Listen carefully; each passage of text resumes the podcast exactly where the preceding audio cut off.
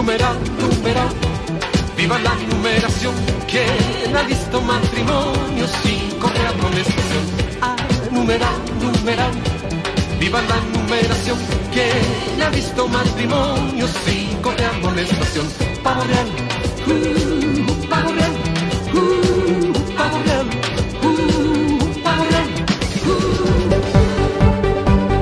Benvidas e benvidos a este novo episodio de Actualidade está sobrevalorada. Novo episodio que facemos gracias a que apareceu o contenedor onde iban as grabacións eh, non sei a quen das gracias e aos servicios da a Traxa que eu eh, rastreando as playas o atopou. Bueno, o caso é que estamos aquí eh, Ana Luisa Bouza Santiago. Hola Ana Luisa Bouza Santiago.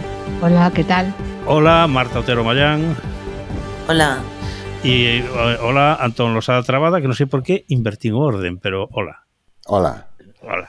Moitas gracias por esta oportunidade de estar aquí. Ben, eh, mm, bueno, é que eh, a actualidade está sobrevalorada, pero que nos surxe eh, comentar eh, algo que, mm, bueno, non sei se causou revuelo ou non, pero hai que debullar, que é o CIS, non o CIS Xénero, sino o Centro de Investigacións Sociolóxicas e o eh, Ana Luisa, eh, de verdad, eh,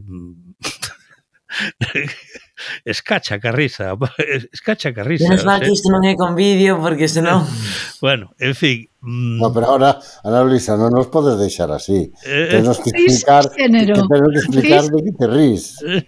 A ver, é que sempre me sorprende a axilidade mental de Pereiro, non?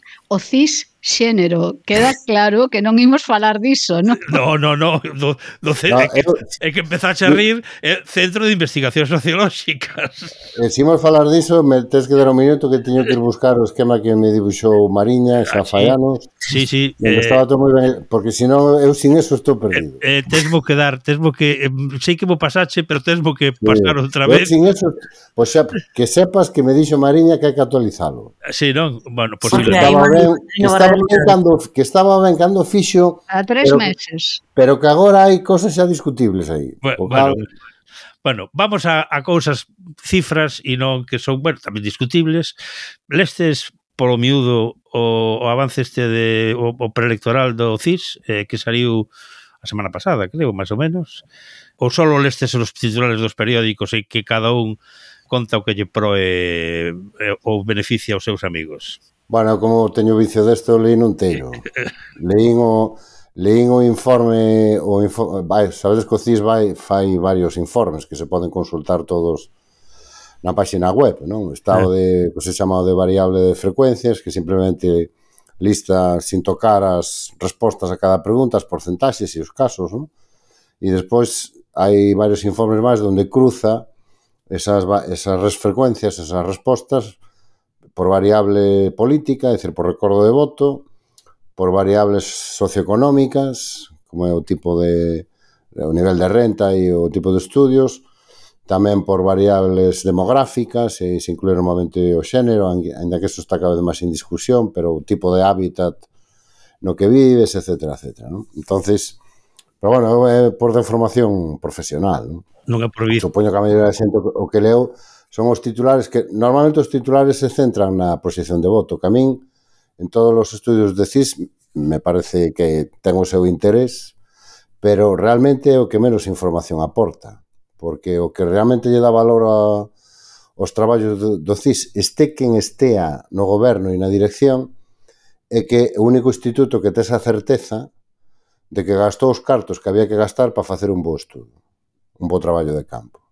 Porque o problema que teño cas enquisas que saen agora como churros nos medios de comunicación é que, bueno, para sacalas así a esa velocidade, o traballo de campo estará feito, pois, daquela maneira. De campo e playa. En cambio, no CIS sabes que son encuestadores profesionais, sabes que están pagados nas debidas condicións, sabes que teñen a xornada laboral que teñen que ter, e pois os campos normalmente duplican, triplican ou mesmo cuatriplican os campos dos outros estudos, por tanto hai moitísima información que ten moitísimo interés e que curiosamente non non sae destacades por os titulares. Non? A mí me chama moitísima atención, por exemplo, e para non alongarme moito, eh, dous datos que non vin refletidos en ninguna parte, que me parecen realmente dos titulares destacables. Non? A primeira que Ana Pontón xera máis confianza na sociedade galega que Alfonso Rueda, pero con casi oito puntos de ventaxa e cai un 50% da poboación que confía moito ou bastante en Ana Pontón.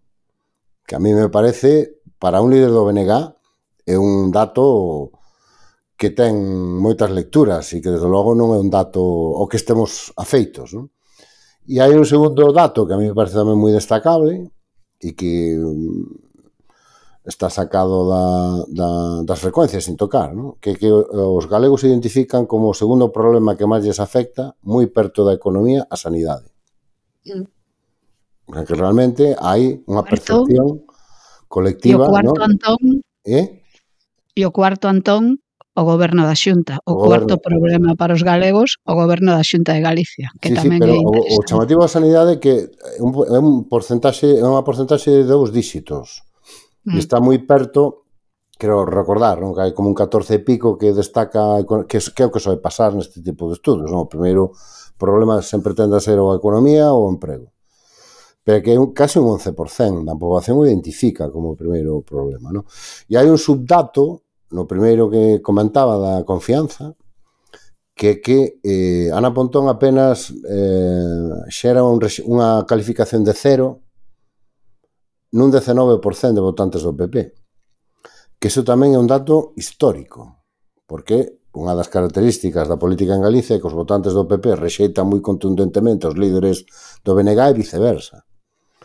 E, e no rexeitamento de Alfonso Rueda por parte dos votantes nacionalistas está nun nivel, digamos, estándar, un 30 e pico por cento.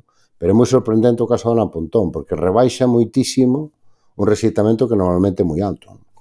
A min chama a atención unha, unha cuestión eh, que é o, o nivel de valoración que ten entre os votantes do PSOE, eh, que incluso supera a veces o do propio candidato, non? Eh, do socialista. Non? Eso é algo, digamos, mm, curioso. Bueno, de todas formas, o que vamos me chamou a atención de entrada é o nivel de polarización da, da sociedade galega. Porque que o 13% se identifique de extrema esquerda ou un de, de, na escala de 1 a 10 e que o 10% se, se, se autoubique na extrema dereita eh, e, e todo eso para que a media sea un 4,99 que es así, vamos, el centro puro creo, pois chamoume bastante atención. Por exemplo, a sociedade española, eh, imagino que aí entrarán as variables catalana e vasca, pero a sociedade española está autoubícase no 4,7%. E non sei mm. se ten, se ten os extremos tan extremos como a sociedade galega, non? Bueno, os extremos son bastante parellos, eh? E diré bastante habitual que un 10, un pouco máis dun 10, dependendo do momento, se ubique nos, nos, tanto na extrema esquerda como na extrema dereita. Non? A min, máis que polarización, non? que é un resultado moi aceptable se si, si repasamos o que é a conversación pública tanto en Galicia como en España, ¿no? que parece que estamos pelexándonos todos os días por calquer tontería. ¿no? Eh, me chama moito a atención eh, que o 70, prácticamente o 70% dos votantes o que queren é unha campaña centrada nos problemas de aquí. Mm. E que se fale das cosas de aquí. Pero que mesmo nos votantes do PP, a gran maioría queren unha campaña que se centre nas cosas de aquí e só un 20 pico por cent que era unha campaña na que se fale de política española. Sí, que é exactamente que é exactamente o contrario do que están facendo tanto o Partido Popular como o Partido Socialista que se empeñan efectivamente en españolizar a campaña. ¿no? Bueno, outro día chegou Pedro Sánchez eh, e repartiu panoja, eh, para Ferrol e tal. Sí, vale. Eso estivo ben. Sí. Pero eh, os eh, temas... Esos son os problemas de Galicia. Sí, que panoja. Claro. Una naviera, neno, aquí, pa Ferrol, tal. Voten. Ana Luisa, tú liches o CIS ou non? Sí, sí, sí, tamén teño esa, esa manía, sí. Sí, eu creo que sí que é interesante eh, o tema dos, das preocupacións principales e, bueno, que, que é un retrato da sociedade galega a través de unha enquisa que é raro que teñamos a oportunidade de, de ver con tanto detalle, non? Entón sí que é unha unha boa lectura. Sí? De todas maneiras, efectivamente, como é lóxico, porque un preelectoral o que ten máis máis visibilidade nos medios son as, as prediccións electorais, no? que, como xa sabemos, pois eh, confirman unha tendencia que, que parecía que se iba dando, non? que era que o PP, eh, aínda que ten un chan electoral moi forte, eh, vai ter que tamén eh, bregarse para conseguir manter a maioría absoluta e que hai partido, no? E que e que quizás unha das dúbidas que que aparecían no panorama e era si sumar eh, ou Podemos eh, tiñan alguna posibilidade de mobilizar voto urbano de maneira que, que sumaran a un posible cambio, parece que Anquisa do CIS dice que pois que no, que máis que, que sumar ao cambio poden incluso chegar a impedir o cambio. Non? De todas maneiras, sigue sendo moi pronto e as campañas cambian a, a idea da xente e, sobre todo, como sabemos, a xente decide o voto moi moi ao final da campaña, así que veremos como vai evolucionando. Eh, eh, hai unha pregunta nese sentido que, que se me perdió a min. Que, que, que, cando di a xente que, que decide o voto? 4 de cada 10 votantes, 5 deciden durante a campaña. Pero eu sou moi escéptico diante desos datos. Non? Eu creo que neste momento é políticamente correcto dicir eso. Mm. E é moi políticamente incorrecto decir que tú votas regularmente, que eres dun partido e que votas regularmente a ese partido. Non? Mm. Neste momento que é políticamente correcto decir, non, non, eu mm, Me a campaña, sí, sí eu, non voto, eu non voto ca camiseta posta e tal. Non nego que efectivamente eu creo que a porcentaxe de xente que decide o seu voto durante a campaña ten aumentado significativamente nos últimos anos, como consecuencia tamén do tipo de política e de debate político e de conversación pública que temos, pero eu creo que afecta máis a decisión de ir votar que o sentido do voto. Pode ser, sí. É dicir, eu creo que moita xente que na campaña decide non a quen vai votar, Por que? Porque eso é Vai votar, sí, sí. Si non, se si vai ir votar, efectivamente. Uh -huh. E, e entón... que, de feito... Sí, sí perdón, é o, o gran drama, digamos, das autonómicas, que é que vota moitísimo menos a esquerda urbana, digamos, que un pouco cando ves os mapas a pouco que ves os mapas de participación é sangrante. A esquerda urbana parece que non se sinte interpelado ou chamada a votar nas autonómicas cando si o fai nas nas xerais ou nas municipais. E, a ver, evidentemente, e facer extrapolacións de votos non sirve para nada porque cada comicios, digamos, ten a súa realidade e tal. Pero sí que é certo que outro día chegaba Pedro Sánchez a Coruña e dicía un pouco iso de a urnas cheas cambio seguro, porque realmente o que mm, tamén influe moitísimo a lei electoral que temos agora mesmo con esa barreira do 5% a sobre a representación de algunhas provincias de marcado carácter conservador e tal, influe moitísimo a hora de que saia un resultado ou outro, pero sí que é certo que a sociedade non se sente mobilizada por, polas autonómicas. Aí hai algo que eu penso que quizáis se cadra forzas como Sumar ou esas esquerdas cookies, como falamos algunha vez, teñen aí un partido que xogar agora de arrancar ese, esa movilización. Pero por outra parte penso, é que por que non pasou nas anteriores? Cando tamén había unha opción que non era a sumar, era Galición Común, pero que tampouco conseguiu ah, entrar. Ah, había dúas, de feito. Mm. Había dos opcións. Como agora. Si imos chamar opción a En Marea. Ma, ese é unha, a, o que plantexa Marte é un dos temas destas eleccións, non? De feito, si outras preguntas que veñen no CIS, que lle preguntan a xente canta xente ten decidido ir votar. E o que só é normal nunhas eleccións que vayan a ter unha participación, digamos, estándar ou incluso alta, é que a xente que che di eu xa teño decidido ir votar este por riba do 80%. E neste CIS non chega o 80%, está por debaixo do 80%, está cerca, pero non chega ao 80%. Eso indica que efectivamente o nivel de movilización non é especialmente alto. E que a día de hoxe, salvo que a campaña teña un impacto positivo que todos os partidos esperan, pois é probable que a participación este nas cifras aos que estamos afeitos, especialmente na época de Feijó, é dicir, por debaixo do do 60%. Non? E que esa, efectivamente, esa, esa desmobilización tende a concentrarse máis nos votantes socialistas. Que efectivamente, como apuntaba Marta, hai unha porcentaxe de votantes socialistas que van entusiasmados a votar nas eleccións xerais, e nas autonómicas non van. Non sabemos moi ben se é porque non consideran que non son relevantes ou porque as dan por perdidas. No?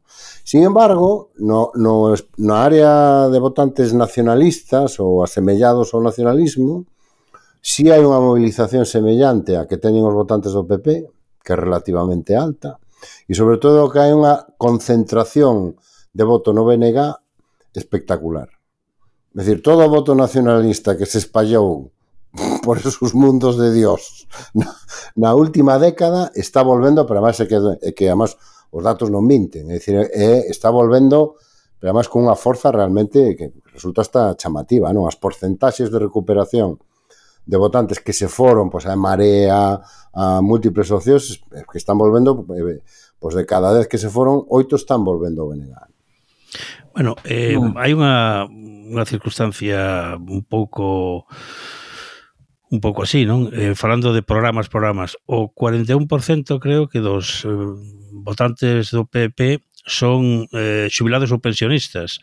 E é mm. curioso porque o seu partido votou en contra da suba das pensións, ou sea que eso de analizar programa a programa programa non funciona moito e en cuanto ao abstención, digamos, socialista, non sei se ten algo que ver, por un lado, eh, cos candidatos que foi presentando, non? E, e por outro lado, eh, tamén co feito por exemplo, a campaña do, do PPE que les usted en casa, eh, teñamos Galicia en paz, ella de sí. estabilidade, para que se vamos usted a molestar en salir de casa con el frío que hace, etcétera, etcétera. Non, é... Eh... Tenho vontade porque estas eleccións pasen un pouco desapercibidas, porque sí que é certo que na TVG que a TVG merece un capítulo aparte nesta Telerueda, tel, neste podcast de é Telerueda, Telerueda. telerueda. Esta campaña porque aí hai que aí hai que entrar con lanzallamas cando cando haxa que entrar, pero sí que é certo que que son as eleccións que de entrada, se non fose porque a oposición sí que está bregando para que teñan cuota de pantalla e tal, Son as eleccións que parece que teñen vontade pois de pasar así un pouco desapercibidas e de ser así un mero trámite, non? De non espolear moito o tema da campaña na, nos medios públicos, máis alá de pois Pois, por exemplo, outro día sí que pasaron o vídeo este de Rueda que familiar es, que tiene hijas e tal. non é un monstro, ten fillas, se fai cousas, se anda en bici, vai ao bar e tal. E toca batería, e toca batería. Toca batería. Ollo, a min iso gustoume, eh, conste, pero... Claro, está ben. Esperaron 14 anos para informarnos de que tocaba batería. Bueno, pero bueno, bueno, oye, todos sabemos, todos sabemos como son os baterías? Sabedes? Era, a, a, vos acordás aqueles, aqueles cursos de guitarra a distancia, de CEA, que era, non? CCO, así, CCC. CCC, pois, eh, o mellor de batería. Vamos Aproveito para decir que a min isto de humanizar os políticos non me gusta. En plan, eu non quero saber que un político ten familia, eu quero pensar que son cousas xa, en plan, que me falen do misterio de la Navidad, esas cousas, en plan, quero pensar que Besteiro se puxo cachas en la cárcel, ainda que xe que non foi, pero e que Ana Pontón prácticamente unha mm, entidade eh, moldeada por el de Miurgo para unir o nacionalismo. Eu non quero saber que teñen fillos, eso, fillos ten calquera. A mí estas campañas ñoñas que están facendo a la xente de, ai, mira que humano es, que paga el pan, el... a mí eso pareceme xogar, en plan, insultar a inteligencia do, do, do, do, do votante, pero en fin, eh, é unha campaña que empezou sendo moi silente, penso, tamén nos medios públicos e que agora xa me parece que a xente está saindo a xogar dentro de que eu teño a miña teoría de que o PSOE está saindo a perder eh, deliberadamente. Pero bueno, despois falamos diso. É que eu non me cista en profundidade, eu mirei as barriñas e, e dixen, mima. Bueno, bueno, no, pero esta teoría non la tes que desenvolver un pero, poquinho máis. Sí, que sí, iso sí. de que o PSOE, como é? O PSOE xa a perder deliberadamente. A ver, eu penso que, eh, correxídeme se, se vedes que me equivoco, que é posible, eh, pero Posible porque ás veces tamén me equivoco, soy humana, como Chenena. Pero... tocas a batería, non tocas a batería. non toca a batería, non toco nada. Intentei tocar o timbre durante unha época da miña vida, non saiu. Eh, o, o PSOE pensou, eu penso, que o efecto besteiro eh, iba a ser mellor do que foi, eh, que iba a haber un, un efeito xa de entrada nas enquisas, pois tiñamos declaracións de Valentín dicindo, pois temos a Messi, como non imos poñer xogar a Messi e tal, eh, foi un bluff ao final. Eh, nas enquisas, digo, porque Besteiro, joder, sí que é un bo candidato, de feito pode mm. que sexa o mellor candidato que presentaron nos últimos anos, pero as enquisas, o sea, as eleccións foron como que a convocatoria de eleccións foi unha cousa tan apresurada que non lle deu tempo a rodar tampouco moito, non? Porque ao final o que temos foi unha carreira meteórica dun ano, non? Da Delgado. De feito, no. de feito o candidato que ten o coñecemento máis baixo na enquisa do claro. Casi claro. 10 puntos por debaixo do, de Pontón e de Rueda se cadra chegan a ser dous anos antes e ten pois, dous anos para marcar a xenda, para ir por aí e tal, pero aquí a verdade é que mm, o PSOE está facendo unha campaña que dentro de que teñen un bo candidato que nas distancias curtas é boísimo e tal, vai moi a rebufo dos lemas do PP, mm, dos marcos do PP, eh, utiliza o tema da mobilidade, que a mí me parece un dos grandes piares desta campaña, eh, sí que está utilizado bastante a seu favor, pero de todos os xeitos está pasando bastante desapercibido o tema do tren, o tema da non sei. Eh, a miña impresión é que con esta correlación de forzas eh, isto é estrita opinión, eh? Vamos, o sea... Como, to, como todo en este podcast, por outro lado. Pero bueno. Exacto. Pero bueno, a miña impresión é que esas enquisas están dando 13, 14, 15 deputados, o BNG 22, 23, con esa correlación de forzas, o PSDG, que non lle gusta nada ser eh, partido muleta, eh, non está disposto, digamos, a darlle a xunta ao BNG e eh, deixarlle as consellerías potentes, digamos, e eles pois ser ese apuntalar, digamos, un goberno dos nacionalistas. Eu penso que preferirían deixar pasar 4 anos máis eh, cando Ana Pontón este fora da ecuación, porque non sei se o BNG ten plans de pues, reformularse ou tal, e, e o PSDG pois facer unha alternativa nestes 4 anos, pero bueno, un pouco por outra banda o que fixo cando a primeira legislatura cando podía sumar con Podemos, pero a correlación era algo así como 88, 70, que era como, buf, un goberno de coalición, pero moi moi equilibrado. Non lles compensou e preferiron adianto electoral mm, eh, deixar gobernar, eh, volver máis fuertes e laminar ao enemigo que, que facer un goberno de coalición así. Entón, daquela, isto, estreta opinión, repito, eh, o meu temor é ese, non? Que haxa unha forza neste momento indispensable que non estea saindo a xogar a partida como é que xogala. Bueno, é unha opinión e é un temor que non eres a única que o ten, eh? Mm. E a xente, eu non eres a primeira persona que enllo escoito, especialmente no ámbito nacionalista e xente que ten relevancia e peso no diseño da estrategia nestas eleccións dos nacionalistas, efectivamente, o seu temor é ese, non? que o PSDG, o, e o, sobre todo o PSOE, en, diante a opción de que gañe o PP e volte a gobernar, ou a opción de ir de segundos, non? Nun, dun goberno encabezado polo BNG, e además cun desequilibrio relativamente chamativo de diputados, pois que non non aposten claramente pola segunda opción. Non quero dicir que saian a perder, pero que non aposten claramente pola segunda pola segunda opción, non? Eu creo que se fan eso se equivocarían profundamente. Porque non acabaría de encaixar ben na estrategia esta da España plural que Pedro Sánchez nos, nos vende e nos explica, non? de que España é un estado plural e que hai que aprender a convivir, e, bueno, hai que aprender a convivir, pero cando vai usted primeiro. Se va usted segundo, xa non hai que aprender a convivir. Mellor que, mellor que gobernen os malos. Non? E despois que eu creo que a vitória en Galicia para Feijó sería un reforzo a súa estrategia, e, sen embargo, unha derrota aquí, derrota no sentido de perder o goberno, eu creo que tería consecuencias catastróficas para o seu liderado. Non? Entón, a mí me, parece, me, me parecería ter unha visión tan corta, non? tan, tan a cortísimo prazo, que sinceramente me costa traballo vela. Non, non sei se Ana Luisa que ten unha longa eu... experiencia como min de relación co PSOE.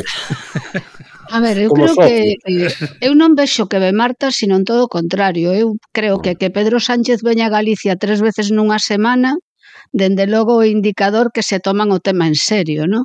Non sei se vos lembrades que nun podcast antes de que estiveran convocadas as eleccións unha das miñas dúbidas era se o PSOE estaría disposto a ser a estar de vicepresidente, non? E non de presidente. E eu creo que Besteiro sí que está disposto a eso.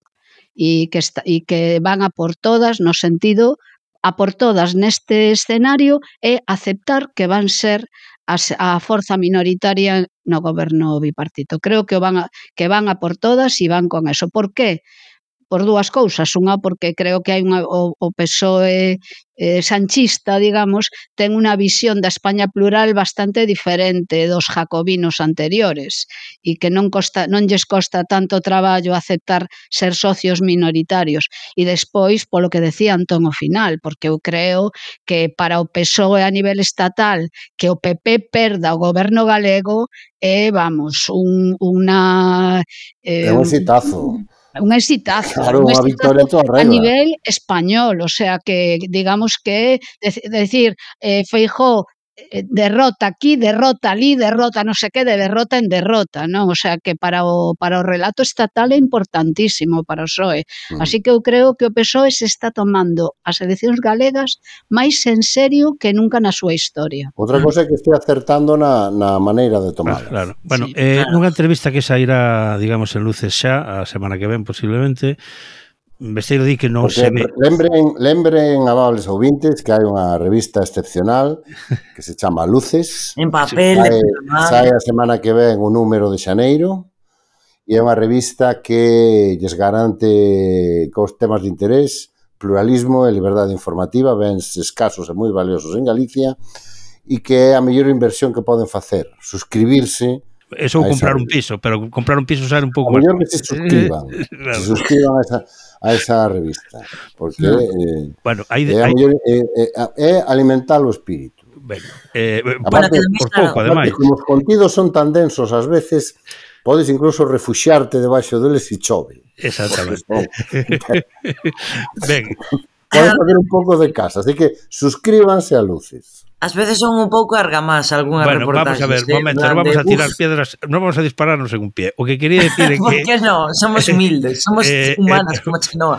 Pero o tema é que... Bueno, Van entrevistas eh, con Besteiro e con Ana Pontón. Efectivamente. E con. Marta Lois. Sí, Eh, eh, sí, que, que fixo, é, eh. que fixo Marco. Marco Marcalois, efectivamente, sí, sí, efectivamente. Ben, non eh, a nombredes, pero eu vou na cobrar igual. Eh, eh bueno, neste podcast estamos todas as persoas entrevistadoras, creo. Sí, sí, sí efectivamente.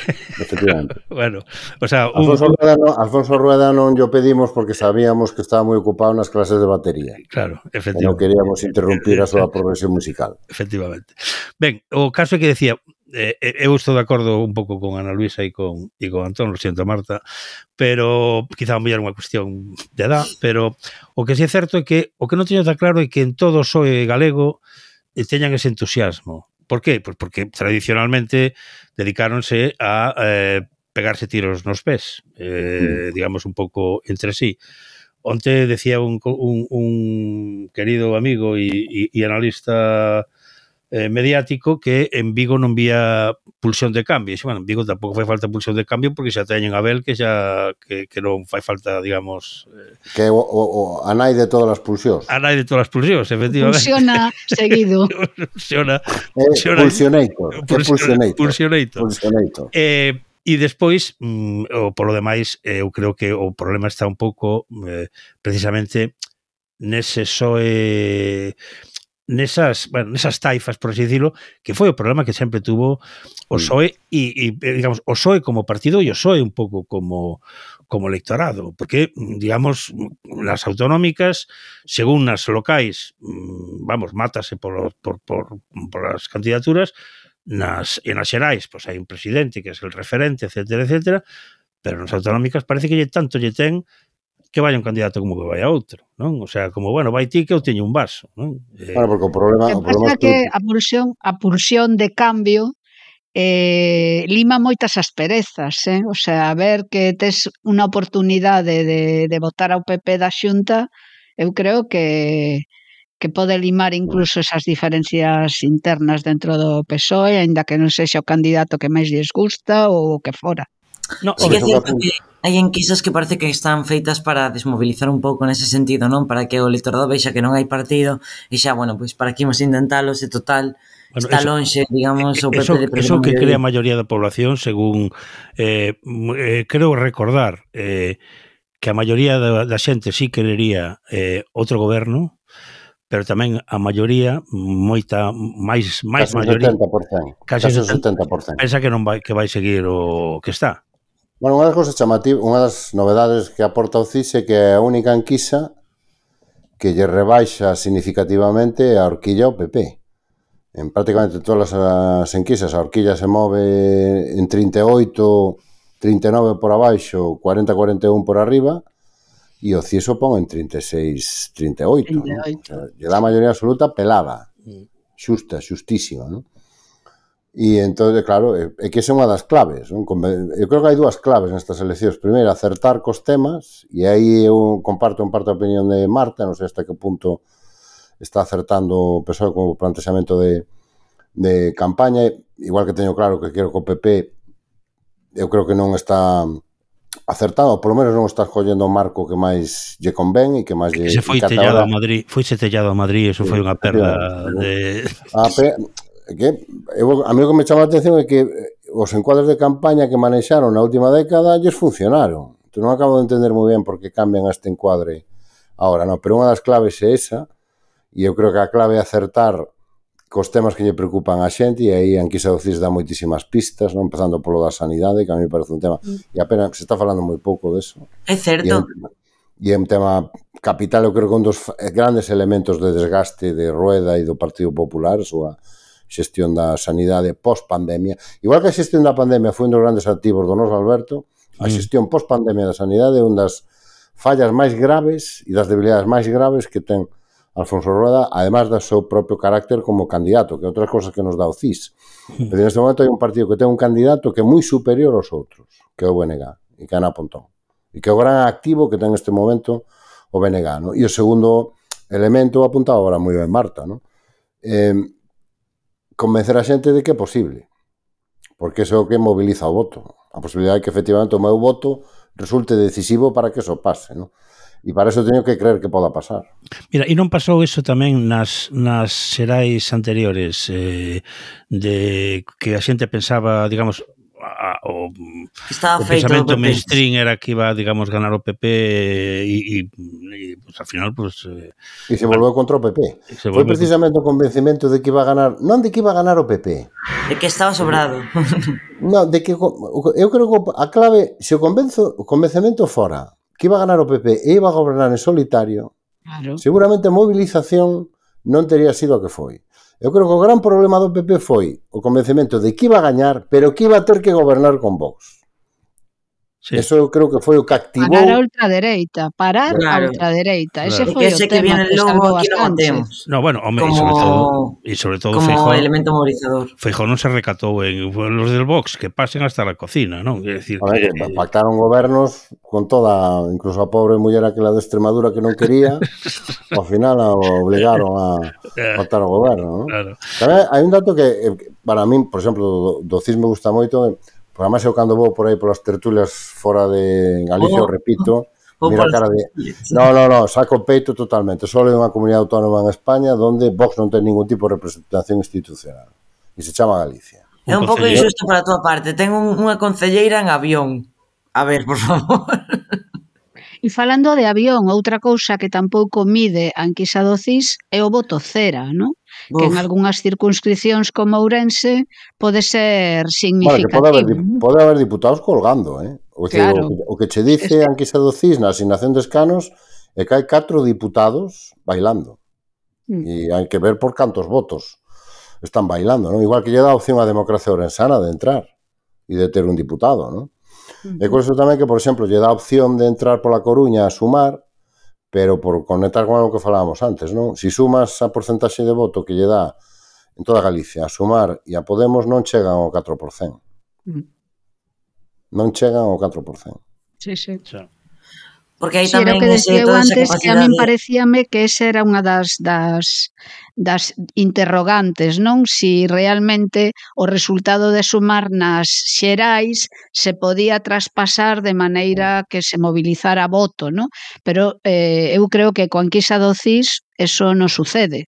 Non sei se falta aínda toda a campaña e poden bueno, eh, eh, cambiar eh, cousas, no. pero ese voto, digamos, que mobiliza a esquerda eh, en estas autonómicas parece que está máis orientado ao BNG, no? que a que a sumar o a Podemos, no? e o feito de que vayan dúas candidaturas eh, e non acordaran, pois tampouco tampouco axuda. Entón, tamén o tema do voto útil vai ser central no debate durante a campaña, non? O voto útil para eh, o cambio. Bueno, na que campaña feito... xa na precampaña, vamos, está sendo. De todas formas, hai que recordar que, digamos, eh, Galicia en Común, que non obtivo representación nas anteriores autonómicas, xa tiña de, de líder a Yolanda Díez. Non, Yolanda Díez, non sei se si, mm, es, non, non, non recordo se se implicara moito ou non na campaña daquela. Pouco, pouco. Bueno, pero, pero bueno. Xa estábamos, xa estábamos outras cousas daquela. Sí. Xa, bueno. Claro, que a ver, eu son pouco partidaria, digamos, de, de ler uns comicios, de extrapolar os datos de, de voto, de participación uns dos comicios a outros, porque basicamente sí que é certo que as últimas eleccións xerais estiveron moi marcadas polo tema, primeiro, da o, o elemento mobilizador eu penso que para calquera esquerda moi, de feito, pois para moitísima esquerda tradicionalmente abstencionista foi o tema da, da posibilidade de que entrase a extrema dereita no goberno que só activou, activou moitísimo voto E, e segundo, eu leo, digamos, ás veces ese voto de sumar que de feito foron 170 e pico mil votos, que foi un porcentaxe pois que dobrou o do BNG e tal, un pouco como vontade ou mandato de reeditar ese goberno de coalición mm. eh, de feito con agora que falamos un pouco de equilibrio de forzas, pois con máis forza a parte máis progresista dese goberno. Sí. Non sei se eses datos eh, sí, son extrapolables pero baixou, sí. baixou con respecto ás anteriores xerais. Baixou... Xa, pero bueno, eu penso que se non tivese habido a posibilidade dun goberno de coalición, eh, ese espazo estaba vale. absolutamente liquidado. Eu por, por simplemente por aseverar dúas cousas. Unha, pareceme ben que seas pouco partidario de extrapolar eleccións e además che direi outra, os resultados. Además che direi outra cosa, metodolóxicamente non se pode facer. Eh, é unha cousa eh, científicamente in, innaturable, eh, que non, non, hai, non hai metodoloxía posible para coller os resultados dunhas eleccións xerais e extrapolalos a unhas autonómicas ou, digamos, a unhas, unhas locais. Non? E por apuntar unha cosa que decía Ana Luisa, o CIS di eso, efectivamente, cae entre os votos que van hacia o BNG unha porcentaxe importante ven dese espacio de votantes de, de Sumar que votaron Sumar nas xerais. Xa, bueno. Bueno, eh, se si non se aclararon sobre a enquisa de CIS, vayan á páxina do CIS e debullen os datos que mm, é unha lectura, non vou decir, bueno, sí, para min é unha lectura amena, non só para Antón Losada e para Ana Luisa eh, e para Marta Otero. Non, non, son Mireas Barriños. eh. Son Mireas Bueno, aparte, aparte que está está colgado en arquivos PDF, só hai que descargalos e se lee como, o sea, é facilísimo de ler, sí, sí, ¿no? E máis, podes incluso acceder, se si tes interés, ás bases de datos e traballar con elas. Mm. Pero bueno, eso xa é para viciosos. Como xa, xa, eso xa é, efectivamente, eso... Eso xa pa... Podes coñer... Xa que cambiar de hobby, sí. sí. Eso xa que sí, teño que salir máis. Sí. Ben, pois ata aquí foi este monográfico CIS, CIS, Centro de Investigación Sociolóxica, non se confundan. Outra vez. Ana Luisa. Queres abrir este melón outra vez? Eh, A semana que ven facemos non aprende, non aprende, que ven... non, non aprende, Maximo. No, no, no, non aprende. eh. que faga falta. Bueno, Ana Luisa, non aprende, Ana Luisa Bouza. O tipo non aprende, non aprende. No. ¿eh? Ana Luisa Bouza, ata logo. Antón Losada, ata logo. Mar paz. Marta Otero, ata logo. Mayán, ata logo.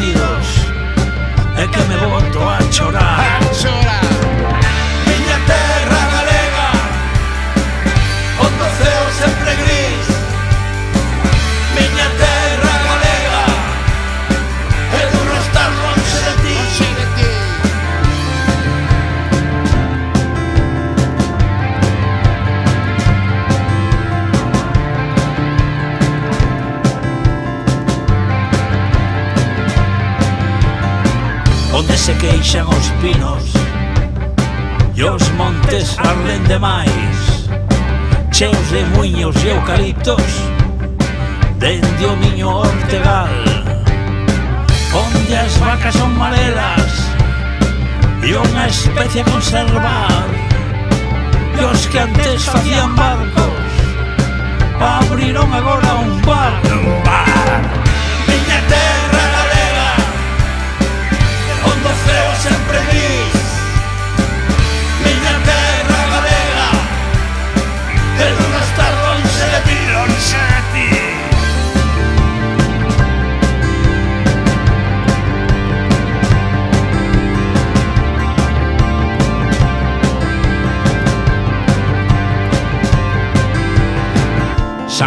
joller no jacobeo.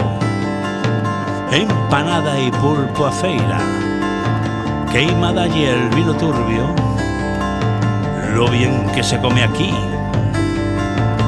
O viñasito miñanco, Foncellas e curuxás A resistencia galega E o pazo de Meirás